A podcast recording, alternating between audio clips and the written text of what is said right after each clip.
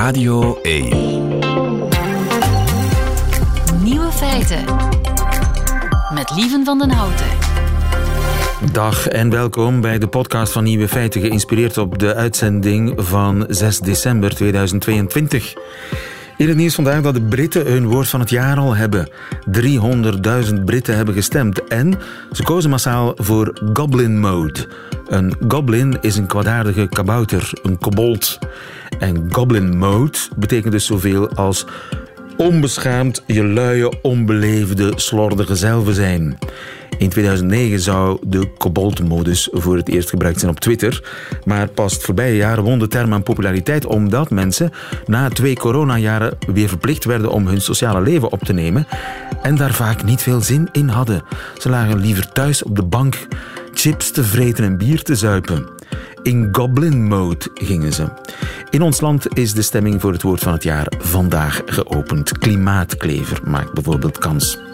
De andere nieuwe feiten vandaag. Italiaanse winkeliers die mogen als het van de regering Meloni afhangt, voortaan elektronische betalingen tot 60 euro weigeren. Achteruit stappen is veel gezonder dan vooruit stappen. De aardappel is dan weer veel gezonder dan rijst of pasta. En hoed u voor Amazon verrassingspakketten die online worden aangeboden voor een prijsje. De nieuwe feiten van Nico Dijkshoorn die hoort u in zijn middagjournaal. Veel plezier. Nieuwe feiten.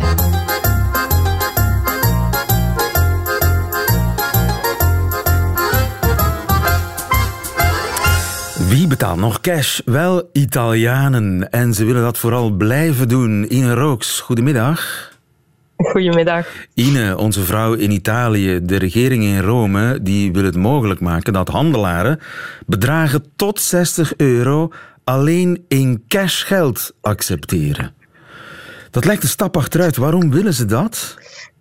Dat lijkt een stap achteruit en uh, Livia, dat, dat is het eigenlijk ook. Hè. Dit is een land dat uh, op het vlak van online betalingen al eigenlijk heel flink achterop bungelt in de Europese Unie. Op uh, de 27 leden die onze club nog telt, uh, staat Italië op de 24ste plaats wat betreft uh, digitale betalingen.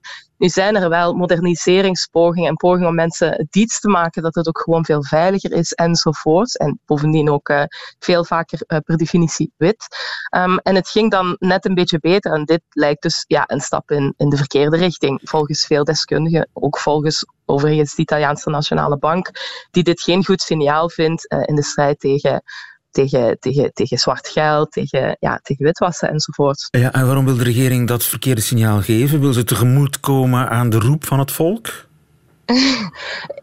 Daar lijkt het wel een beetje op. Dus Giorgia Meloni, die nu, zoals je weet, de premier is van een uh, vrij uh, fors radicaal rechts bestuur, toch met twee partijen erin die dat duidelijk zijn, um, zei al tijdens de campagne dat um, die, die bankencommissies, daar was het daarom te doen, die uh, handelaren moeten betalen op uh, kleine transacties, dat het eigenlijk een soort van cadeautje aan de banken is. Nu, wat je dan zou kunnen doen als regering is bijvoorbeeld met die banken onderhandelen over commissies.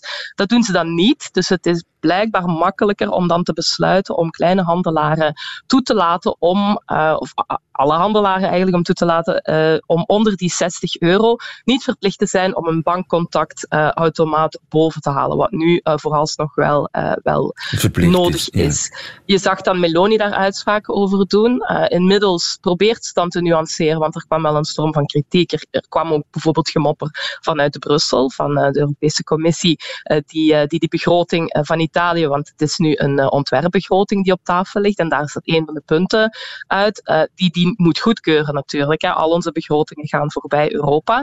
En nu mildert Meloni haar toon en zegt ja, dat was maar een indicatief cijfer, die 60, maar uh, de spirit, de geest van de dingen is wel dat we mensen niet gaan lastigvallen over kleine zaken. Matteo Salvini, ook wel heel bekend, ook minister in deze regering, zei het bijvoorbeeld een paar dagen geleden met de woorden wie naar de bar gaat in Italië, naar de koffiebar en een koffie absoluut wil betalen met kaart, è un rompipale. Dat is eigenlijk een zeiker. Ja, dat is, dat is niet dat Italiaans. Gewoon een koffie betalen met een visa-kaart. Dat is, dat is stijlloos. Ja, in Italië. Zo, zo voelen ze dat echt, hè? Ja, ja, ja. ja, ja, ja. Dus, eh, dat, dat, moet je niet doen, omdat dus die handelaar daar voor die 1,20 euro die je dan zou betalen voor een espresso of 1,40 euro, veel te veel commissie moet betalen aan de bank. Dus dat is een beetje de geest, want um, veel mensen associëren cash met zwart geld, maar dat is het niet per definitie. Hè. Het is niet zo dat als wij iemand cash betalen, dat per definitie dat een transactie in het zwart is.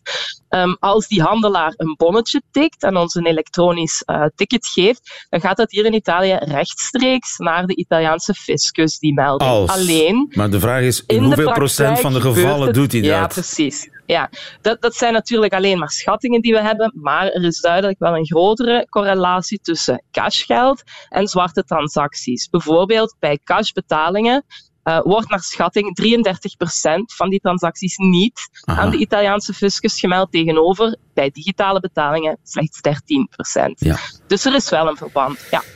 Nu, uh, en voor de grote bedragen, kun je in Italië voor, laten we zeggen, 5.000, 6.000 euro contantje, contantje een auto kopen? Gaat dat?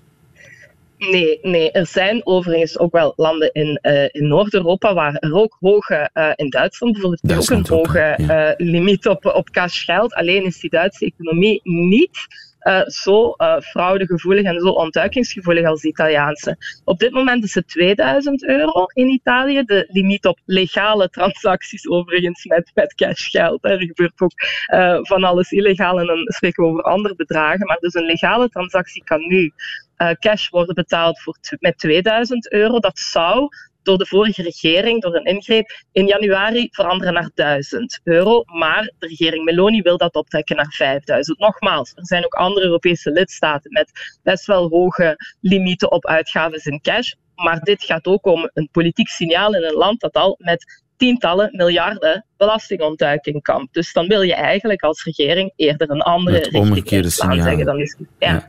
ja. En de gepensioneerden gaan die nog altijd naar het postkantoor om hun uh, pensioen in cash geld op te halen? Het is ongelooflijk. Het is ongelooflijk hoe, hoe, hoe anders er uh, wordt betaald. Bijvoorbeeld was het ook heel lang uh, heel normaal om uh, met die rekening van Luce Gas, dus elektriciteit en gas, naar het postkantoor te moeten gaan en daar in lange, lange rijen te gaan aanschuiven. Um, het, het, is toch ook nog altijd een geworstel met QR-codes om hier in Italië, om dan, die werken heel vaak niet op je rekening en dan moet je naar een tabakkie gaan om het daar te betalen. En inderdaad, zoals je zegt, die cashcultuur vooral bij uh, oude gepensioneerden, dus ook niet nieuwe gepensioneerden, maar mensen uh, serieus op leeftijd, die vertrouwen blijkbaar uh, vaak nog steeds handje contantje, het cash uitbetaalde pensioen op het postkantoor met alle grote gevaren van die natuurlijk. Die mensen zouden zomaar gevolgd kunnen worden en overvallen met uh, een heel maand pensioen uh, in hun zakken. Ja. En dat is ook dus een deel van het verhaal. Het, het wantrouwen, het gebrek aan educatie tegenover uh, digitalisering, digi en tegenover digitale betalingen. Veel consumenten willen het ook. Dus niet alleen die handelaren, waarbij je dus ook hè, moet relativeren. Het is niet altijd noodzakelijkerwijs een, een, een band met eh, ontduiking. Het is natuurlijk makkelijker. Je hebt ook die realiteit van heel veel piepkleine winkeltjes in Italië, hier in Rome. Hè, heel kleine uh, toeristenwinkeltjes, maar ook zo, je kent dat wel, hè, van die oude Amerikaanse stokjes zo in het mini, hè, ja. die een beetje van alles verkopen, huishoudmateriaal materiaal en heel veel dingen voor, voor een appel en een ei. En daar gaat natuurlijk ook veel minder controle naartoe. Dat is de infrastructuur van die handelaren in Italië. Je hebt veel minder grootschalige winkels als, als in andere landen, waar het natuurlijk moeilijker is om, uh, om, om uh, er een slag naar te slaan. Maar dus, die consumenten zijn ook zo heel sterk gewoon aan contant. Vooral een oudere bevolking die inderdaad zelfs grotere bedragen zoals een pensioen liever in cash willen. Ik weet niet wat ze er dan mee doen, of ze het onder een matras stoppen of, uh, of wat ja. dan ook. Maar ik heb hier nog gisteren gesproken. In, ingebakken wantrouwen. Ja. Ingebakken wantrouwen tegenover grote instellingen, tegenover banken, overheden. Banken. Ja, een soort uh, ja, liefde voor cashgeld. Jij hebt nog altijd cashgeld op zak? Je kunt niet zonder ik, in ik worstel daar dus een beetje mee. Dus ja, ik, uh, ik heb het ja, vorige week bijvoorbeeld geen taxi kunnen nemen, omdat huh? ik dan uh, domweg zo geen taxi kunnen nemen, s'avonds laat, omdat ik uh, geen, geen, geen 10, 20 euro op zak had. En dus... betalen met kaart moeilijk was voor de taxichauffeur die gewoon prompt wegreed. Jeetje. ja.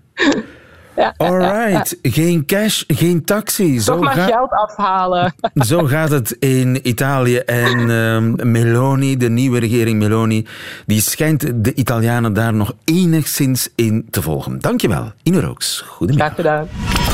Nieuwe feiten. Bent u nog op zoek naar een kerstcadeau aan een scherpe prijs? Dan heb ik heel misschien, ik druk erop, heel misschien een tip voor u. Want op Facebook kunt u voor enkele tientallen euro's paletten vol afgedankte Amazon-spullen kopen. Overkopen, zo gezegd. Ik zie bijna dagelijks advertenties daarvoor, maar ik heb geen idee of dat wel te vertrouwen is. En dus stuurde ik deze man op onderzoek.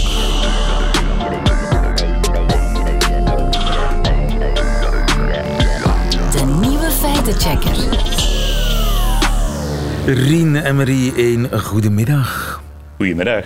39 euro voor een palet vol afgedankte laptops en andere leuke spullen. Dat lijkt mij een koopje. Het is een koopje als het zou kloppen, natuurlijk. Uh, en dat heb ik uitgezocht de voorbije dagen. Um, ja, het is, het, is een, het is een beetje een plaag zelfs op Facebook uh, de hele tijd, in de eindejaarsperiode nu. Reclames, uh, advertenties. En als je klikt, word je afgeleid naar een bepaalde website. En daar staan dan heel leuke filmpjes. Iemand die een doos open doet die hij besteld heeft. En daar haalt hij tablets uit, laptops, allemaal leuke gadgets. En, een volledige zak van Sinterklaas eigenlijk een volledige, volledige zak van Sinterklaas die wordt geleverd op je, op je, op je drempel. Um, en dat zouden ja, allemaal nieuwe spullen zijn. Dat zijn geen dingen uit het containerpark. Wel, het verhaal erachter is als volgt. Men beweert van Amazon krijgt heel veel spullen teruggestuurd van mensen die iets, die iets bestellen, maar er niet mee, niet mee tevreden zijn. Ze sturen het terug. En ja, er is te veel werk aan om dat te sorteren, dus ze steken dat in paletten en ze verkopen die aan de hoogste bieder of aan, of aan ons. Ja. En je kan zo een palet bestellen bij ons. Kijk, we garanderen niet wat erin zit, maar... Hey, en dan lokt men je vooral met die filmpjes natuurlijk van, okay, van dure dingen. Dus een soort verrassingskroket, als het ware. Een mysterie, mystery box wordt het vaak genoemd. Wauw. Um, het klinkt aannemelijk. Het klinkt aannemelijk en dat is ook omdat die praktijk ook echt bestaat. Dus in de, in de Verenigde Staten kan je bij Amazon een soort liquidation auctions doen, een soort veilingen, waar je op een echt palet kan bieden. En dan krijg je het ook echt geleverd aan je huis. En dat gebeurt ook regelmatig dat influencers op sociale media, op Instagram en TikTok vooral, die bestellen dan zo'n pakket en dan doen ze een unboxing daarvan. En dat, dat levert een half uur content op voor hun sociale ja. mediakanaal. Met allemaal grappige dingen die ze eruit halen en dan aantrekken. En, ja. Dus, dus het dat, zou kunnen. Maar jij hebt het onderzocht. Hoe ben je eraan begonnen? Ja, wel, in Amerika bestaat het, dus het was plausibel. Dus dat is, dat is al leuk om mee te beginnen. Maar in Europa is het uh, meestal fake. Als je, het, de, de beste truc is te gaan kijken naar de website waar je aan afgeleid wordt. Mm -hmm. Die blijkt meestal dan maar een aantal maanden te bestaan. Dat is al verdacht. Uh, je kan dat checken op een website die heet who.is.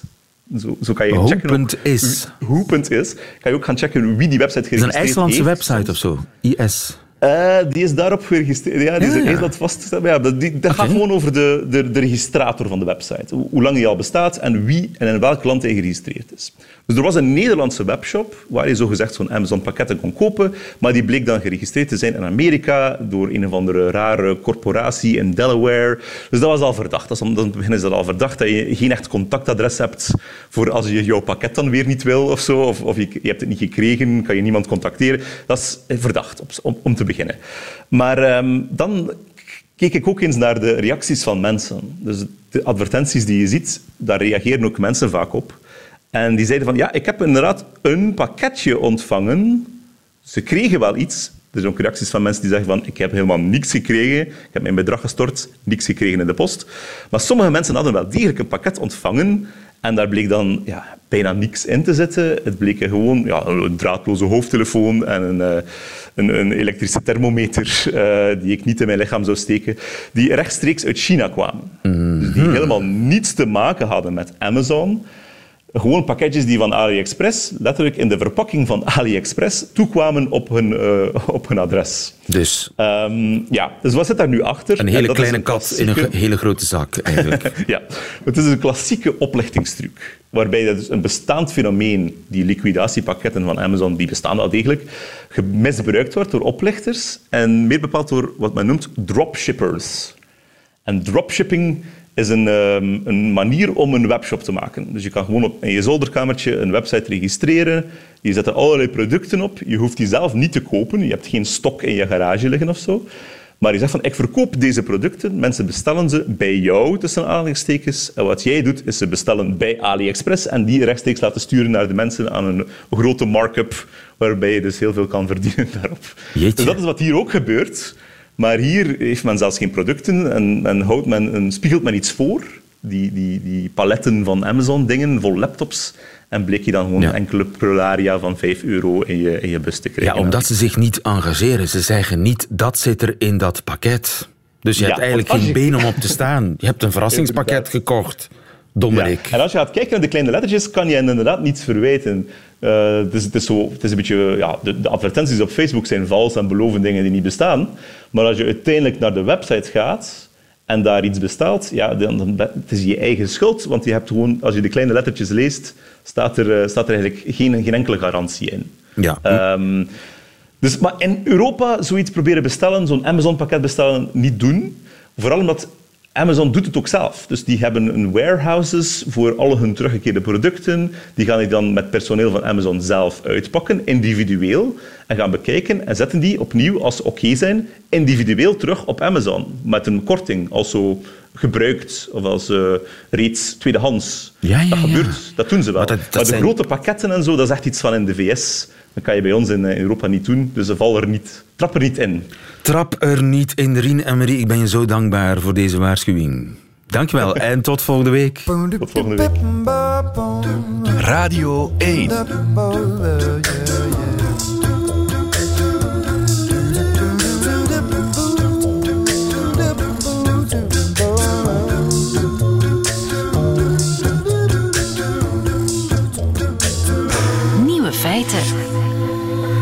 Wat zou er het gezondste zijn? Rijst, pasta of aardappelen? Wel, het verrassende antwoord op die vraag is aardappelen. Dokter Sels, goedemiddag. Goedemiddag. U bent eh, hoofddiëtist van het Universitair Ziekenhuis in Antwerpen. En voor alle duidelijkheid, eh, we hebben het niet over kroketten, over puree of over frieten, maar over de eenvoudige gekookte patat. Ja, inderdaad. Eh, een geweldig ding om op je bord te leggen. Een geweldig ding, ondanks zijn reputatie als dikmaker toch? Ja, inderdaad. We hebben eh, een tien, vijftiental jaar geleden was die focus voornamelijk op vet. Hè, en waren mensen heel sterk bezig met ja, vetten zijn ongezond, eh, boter is ongezond. En dan is die trend wat gekeerd naar een angst voor koolhydraten. Hè. Heel wat mensen zijn koolhydraatarm, ketogeen gaan leven. En die aardappel, ja, die heeft daar wel wat imagoschade van eh, geleden. En die heeft inderdaad voor veel mensen die stempel dikmaker gekregen. Al is ja, de wetenschap daar toch duidelijk over dat die niet in die categorie hoort. Aha. Waarom niet? Want ja, aardappelen, dat, dat zijn koolhydraten, hè? net als pasta en rijst overigens. Ja, inderdaad. Hè. Maar we zien eigenlijk ook voornamelijk hoe dat je dingen eet. Als je ehm, een aardappel, als je die gewoon schilt en kookt, is dat eigenlijk een heel puur product dat je, ehm, ja, waar je weinig bewerkingen aan doet. En zie je ehm, meer en meer wetenschap zich toespitsen op hoogbewerkte voeding, hoe nadelig die voor ons kan zijn. Het gaat over heel verschillende dingen. Het gaat over bijvoorbeeld vleesvervangers die, die high-processed zijn, waar veel eh, industriële stappen zijn ondernomen. Maar bijvoorbeeld ook pasta. Hè. Om van graan naar pasta te gaan, ja, heb je veel meer stappen nodig. En dan heb je nog het culinaire aspect, waar we zien dat wanneer je pasta eet, ja, je kan een saus maken die heel gezond is, met heel veel groenten in. Maar als je toch start met je bord vol slierten te leggen, ja, is die verhouding niet altijd ideaal. Hè. We adviseren al heel lang om de helft van je bord te vullen met groenten. Maar we zien in België dat maar 5% van de Belgen de richtlijn voor groenten haalt. Hè. Juist. 300 gram groente per dag. En die aardappel ja, die kan eigenlijk wel bijdragen om eh, die goede verhouding op je bord aan te houden. Een kwartje voor die koolhydraten te voorzien en toch de helft voor groenten. Ja, want mensen eten geen heel bord aardappelen, terwijl ze wel een heel bord pasta kunnen naar binnen smikkelen. Ja, inderdaad. Hè. En we zien die aardappel dat er ook nog een aantal andere stoffen in zitten die goed zijn voor ons. Die je bijvoorbeeld in geraffineerde witte pasta, de meest gekozen pasta variant, dat je dat er eigenlijk niet in terugvindt. En heel veel mensen ervaren dat ook. Hè. Zeggen van ja, na een bord pasta ja, heb ik heel snel energie, maar ook heel snel terug honger. Hè.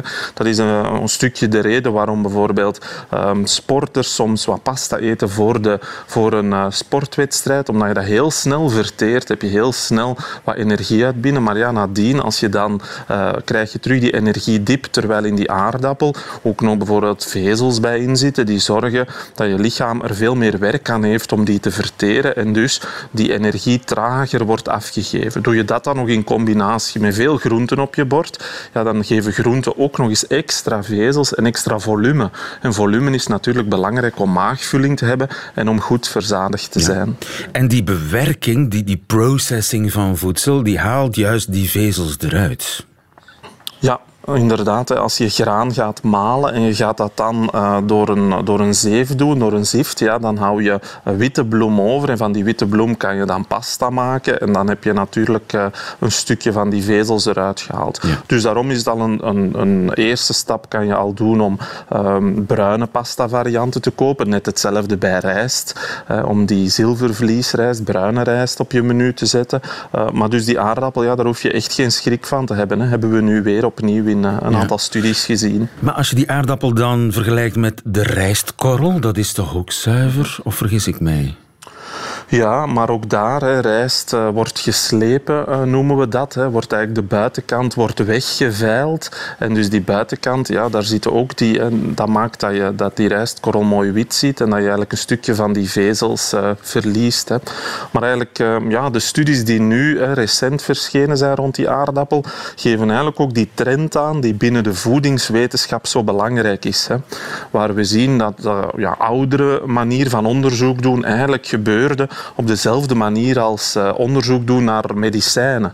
Er werd gekeken naar wat is het effect van één stofje op onze gezondheid. Mm -hmm. Maar uh, uiteraard, we eten niet één stofje. Hè. We hebben een eetpatroon of Je moet naar de praktijk kijken. Hè.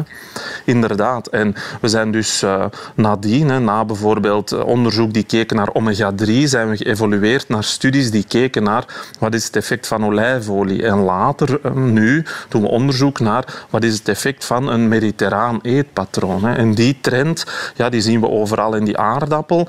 Ja, die heeft bijvoorbeeld nu zo, uh, in een aantal studies zien we dat mensen die, dat in oude studies um, linken werden gelegd die eigenlijk te maken hadden met andere dingen die mensen aten. Met bijvoorbeeld mensen die aardappel kozen, dat zij ook grote porties vlees hadden. En aan grote porties vlees weten we dat een aantal nadelen verbonden zijn. En die aardappel heeft zo in oudere studies ja, soms wat een, um, een negatieve outcome gekend, een negatief resultaat in die studies, waar we nu weten, nu dat we veel meer data hebben samengebracht, dat we zien, ja, eigenlijk uh, had die aardappel er niks mee te maken. Ja, Ging vrijspraak voor de aardappel. Hij had er ja, niets mee te inderdaad. maken. Nee. We hoeven geen uh, angst te hebben voor aardappelen. We hoeven er natuurlijk geen kilo's van naar binnen te spelen. Maar een, eh, een, een beetje aardappelen, gekookte aardappelen op je bord uh, is gezond. Dat besluit ik. Ja. Zeker. Dr. Sels in Antwerpen voor ons. Dankjewel. Goedemiddag. Met veel plezier. Radio 1.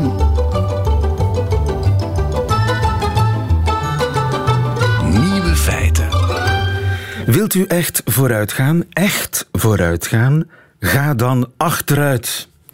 Ik bedoel dat letterlijk. Christophe de Lecluze, goedemiddag. Goedemiddag. U bent eh, bewegingswetenschapper aan de Universiteit van Leuven.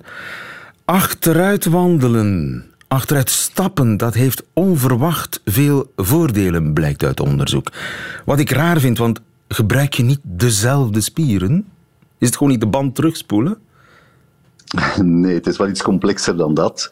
Um, uiteraard gewoon wandelen, voorwaarts wandelen, heeft al, uh, biedt al heel wat voordelen, gezondheidsvoordelen. Maar uh, de onderzoekers uh, hier in deze studie zijn nagegaan wat de mogelijke voordelen van achterwaarts wandelen kan, kunnen zijn. En ja, dat, dat zijn er wel een heel resum. Um, te beginnen met de cardiovasculaire prikkel die je krijgt wanneer je achterwaarts wandelt aan dezelfde snelheid als voorwaarts wandelt. Dat is dus niet dezelfde cardiovasculaire inspanning. Nee, dan, dan is eigenlijk de belasting, de cardiovasculaire belasting, 40% hoger wanneer je rugwaarts wandelt. Maar dan moet je natuurlijk wel dezelfde snelheid kunnen halen als voorwaarts wandelen. Oei, dat, dat vergt enige eh, oefening, vrees ik. Ja, ja, dus het zou, als je die snelheid dan toch vrij hoog kunt houden, een, een, een groter calorieverbruik uh, betreffen. En, en heb je daar een verklaring voor waarom dat uh, meer calorieën verbruikt, achterwaarts stappen dan vooruit? Oh, de beweging is iets complexer. Het vraagt iets meer controle uh, dan, dan gewoon stap wat je op automatisch piloot kunt doen. En, en dat zal wellicht een van de belangrijkste redenen zijn waardoor je eigenlijk meer spierspanning ontwikkelt en ook meer uh, energie verbruikt. En het zijn dus niet dezelfde spieren die je gebruikt, maar gewoon andersom. Het, is een, het zijn andere spiertjes ook die ingezet worden. Ja, het zijn andere spieren. Um, en, en dat is juist het interessante volgens de onderzoekers, want uh, je zult um, in die zin een aantal spieren activeren uh, die, uh, die anders, houdingsspieren die je normaal niet activeert, en die bijvoorbeeld beschermend dan kunnen zijn voor lage, lage rugpijn. Ah. Um, en bijvoorbeeld, klassiek bij trainen gaan we vaak onze voorste dijspieren overbelasten versus onze achterste dijspier, dus quadriceps versus hamstrings. Uh -huh. Bij achterwaarts wandelen is dan net omgekeerd. Dan ga je meer op je hamstrings uh, trainen. Creëert. Ja, dan krijg je beter evenwicht, evenwicht tussen je hamstrings en quadriceps. Oké. Okay. En het is ook goed voor mensen met lage rugpijn. Die, die kunnen daar voordeel van hebben. Dat blijkt toch uit de resultaten van die studies. Um, en daar kan ik mij wel iets bij voorstellen. In die zin dat je je houdingsspieren, je spierketting op, uh, op de rug meer zult belasten, meer zult activeren, omdat je ook weer een, een andere beweging doet. En hoe zit het met de belasting van de gewrichten? Wel, dat is dan een heel interessante bevinding. Misschien de meest interessante uit die studies. Dat is dat de belasting van het kniegewricht veel lager is. En dat heeft dan wellicht iets te maken met het feit dat je bij het rugwaarts wandelen eerst de voorvoet neerzet en dan afrolt naar de hiel, wat je net omgekeerd doet bij het voorwaarts wandelen. En die voorvoet die kan eigenlijk zeer goed die schok absorberen, waardoor je eigenlijk in de knie minder belasting krijgt. En voor personen met knieartrose is dat wel natuurlijk zeer heilzaam, eh, want anders willen ze niet wandelen omwille van de pijn, maar hier kunnen ze dat omdat de pijn wat minder is. Ja. Zijn er mensen die achteruit kunnen joggen? Achteruit lopen is uh, misschien nog interessanter, vind ik persoonlijk, dan, uh, achter, dan uh, achterwaarts wandelen. Omdat achteruit lopen wordt, wordt dan weer gedaan door meer sportieve personen. Mensen die wellicht al veel trainen, of zelfs topatleten. En die zijn eigenlijk altijd op zoek naar variatie in hun training. Omdat ze anders door het zoveel trainen nogal gemakkelijk uh, gekwetst raken, overbelast raken. En achterwaarts lopen is een variatie, wat voor hen misschien wel noodzakelijk is. Terwijl voor de gewone recreant achterwaarts wandelen misschien wat ver gezocht is. Ja, dat, is een dat zou voor mij een grote uitdaging zijn, denk ik, achterwaarts joggen. Maar uh, kun je daar praktisch advies uit afleiden uit al die uh, voordelen? Voor mensen die, uh, het zijn er heel veel, die ja, 10.000 stappen per dag doen. Hè, want tegenwoordig kun je dat heel makkelijk checken hoeveel stappen je doet. Mensen, 10.000 stappen per dag is een enorm gezondheidsvoordeel. En haalbaar voor heel veel mensen. Uh, die mensen, kunnen die daar... Moeten, zou je kunnen zeggen van die 10.000, neem er 500 achteruit? Ja, dat zou zeker geen kwaad kunnen als je de resultaten van die studies, en dat geloof ik ook wel. De vraag is natuurlijk, uh, we hebben nu de voordelen opgesomd, maar je moet je ook altijd bewust zijn van mogelijke nadelen, die zijn niet zo direct onderzocht. Ja, maar niet iedereen heeft ogen op zijn rug natuurlijk ja, je, je, het risico op vallen bijvoorbeeld is, is vrij groot. En uh, het, het is ook iets dat zodanig veel uh, cognitieve aandacht vereist, waardoor je eigenlijk weinig anders kunt doen. Dus veel mensen gaan graag wandelen in gezelschap als een sociaal gegeven, waarbij ze praten met elkaar en vertellen. Maar wanneer je achterwaarts moet wandelen, vereist dat zoveel aandacht dat je eigenlijk dat niet zo gemakkelijk in een sociale context kunt doen. het lijkt me fun om het te proberen in een groepje achteruit stappen. Ik zie het zo voor me. Ja, inderdaad. Het, eh, ik zie ook niet iedereen in, in Vlaanderen langs, de, langs het strand achterwaarts uh, wandelen. Maar uh, ja, als je het echt wil doen, dan, dan, zijn er een aantal voordelen. Ja, misschien moeten we een speciale dag organiseren. Hè? De achteruitstapdag. En dan, waarbij iedereen achteruit wandelt. Het, het is bijna een Monty Python sketch. Maar wie weet, uh, daar zit iets in. Want de voordelen zijn onverwacht groot van het achteruitstappen. Je moet wel niet vergeten om om te kijken. Hè? Dat klopt, ja. Christophe de Lecluze, dankjewel. Goedemiddag. Dag, dag, dag. Radio 1. Nieuwe feiten. Eigen lof stinkt, ik weet het, maar als ik u tot slot van deze nieuwe feiten nog een tip mag geven, een podcast-tip voor de lange decemberavonden. Reven tot leven, een Radio 1-podcast waarin de grote volksschrijver, die overigens volgende week 99 zou zijn geworden, waarin die schrijver tot leven komt. Bewonderaars van Reven duiken in het rijke archief van radio en televisie en halen daar bijvoorbeeld deze quote uit tevoorschijn over katholieke dieren, want die bestaan. Alle dieren zijn eigenlijk zonder het te weten katholiek. Oh ja? Ja. Maar ma- zijn er vogels bijvoorbeeld wa- waarvan u zeker weet dat die tot de katholieke kerk behoren dan? Ja, de papegaai en de raaf, dat zijn katholieke vogels. Maar die zijn ook door de, katholieke kerk gekend. Die zijn erkend. En waarom de papegaai bijvoorbeeld dan? De papegaai, hij kan AV zeggen. en de raaf... Kijk, de, pa- de papegaai is het vrolijke, het, het bonte van het leven. En de raaf is de geweldige ernst en de rouw. Maar als een vogel AV kan zeggen, dan mag hij tot de katholieke kerk behoren. Ja, en ook, eh, ook vogels kunnen, ge- kunnen gezegend worden. Maar die moeten in een kooi worden aangeboden. Anders wordt die kerk een volière. En dan vliegen die, en dan, dan vliegen die vogels rond en die laten wat vallen, weet je wel. Op, daarop, op, daarop, op een hoogte van, van een heilige, misschien van een heel goddelijk persoon. Heerlijk. Ja, omdat, maar die vogel doet het de goede trouw. Die zegt, geld heb ik niet, maar ik geef wat ik missen kan. Ja. Gerard Reven, onsterfelijk in de Tros TV-show bij Ivonie in 1996 alweer. Meer van dat soort eh, onsterfelijke Reven-momenten in de podcast Reven tot Leven, die nog altijd te beluisteren is. December is daar zeer geschikt voor, want december is dé Revenmaand bij uitstek. Hij verjaart de 14e en zijn grote klassieker De Avonden speelt zich af in de laatste tien dagen van het jaar 1946. Of de schrijver zelf december de Revenmaand bij uitstek vindt? Wel, ik heb het hem ooit, vele jaren geleden, op een donkere decemberdag gevraagd. Nou, het is de ergste maand van het jaar. En eh, je zou zegt tegen jezelf: eh, Ik wil eh, eigenlijk liever niet meer leven. Hè, zoals iemand in de schrift zegt: Ik heb geen lust aan dezelfde. Je wil liever dood zijn, je wil liever in een, in een hoek kruipen. En, eh, ja, je moet, moeten er doorheen, zou ik maar zeggen. Weet je wel? Ja, ik weet, ik heb nergens verstand van hoor, maar ik, ik vind dat gewoon die feestdagen achter elkaar en die, en, die, en die kerstbomen en die verlichting en zo. Dat het, eh, en, en al die, die poppetjes en die kerstmannen en die paarden. Het is natuurlijk een groot gebeuren, de geboorte van, van Christus. Het is eh, wel een belangrijk eh, moment in de geschiedenis. En ik ben er niet tegen. Hij heeft ons verlost van zonde en dood. Dat valt toch te waarderen.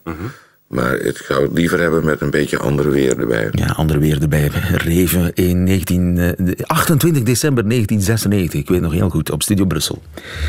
Meer Reven in de podcast Reven tot leven te vinden, uiteraard op VRT Max. Radio 1. Nieuwe feiten. En dat waren ze meteen de nieuwe feiten van 6 december 2022. Alleen nog die van Nico Dijkshoorn, die krijgt u nu in zijn middagjournaal. Nieuwe feiten. Middagjournaal. Beste luisteraars, ik leef in een land waarin van massale verontwaardiging naar massale verontwaardiging wordt geleefd. Iedere dag verzamelen zich honderdduizenden mensen, vaak anoniem, om de virtuele waterput die Twitter of Facebook heet en er wordt schande gesproken. Het maakt niet zoveel uit waarover. Het verschilt per dag waar schande over wordt gesproken. De ene dag kan het gaan om een gebleekt gebit van een bekende Nederlander en dat iedereen vindt dat hij moet denken aan alle kinderen in India die nooit hun gebit kunnen laten bleken.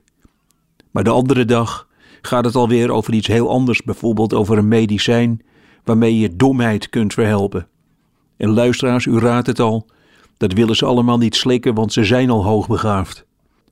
Ik herinner u er nog maar eens aan dat er vooral van alles wordt gevoeld door mensen die zichzelf Skippybal 2384 of Master Blaster Super Duper 7496 heten.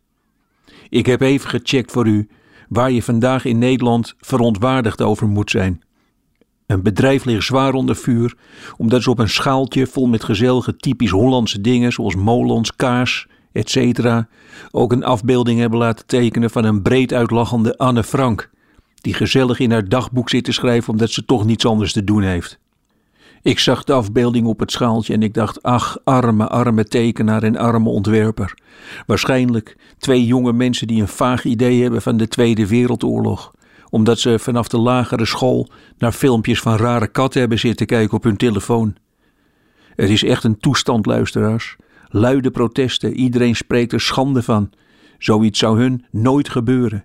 Maar ik sluit niet uit dat een van die schreeuwers morgen wordt verketterd, omdat er een foto rondgaat waarin hij of zij de Hitlergroet brengt in een bakkerij. Dan kan je honderd keer uit gaan leggen dat je het brood met je gestrekte rechterarm van de bovenste plank wilde pakken, maar niemand zal je geloven, hangen zal je. Luisteraars, laat ik hier nou eens proberen te voorspellen waar iedereen morgen in uw land, België, verontwaardigd over zal zijn. Er lekt een filmpje uit van de Braziliaanse voetballer Neymar, die op zijn kamer Lukaku nadoet. Vier keer probeert hij een kopje thee in te schenken en vier keer schenkt hij naast het kopje.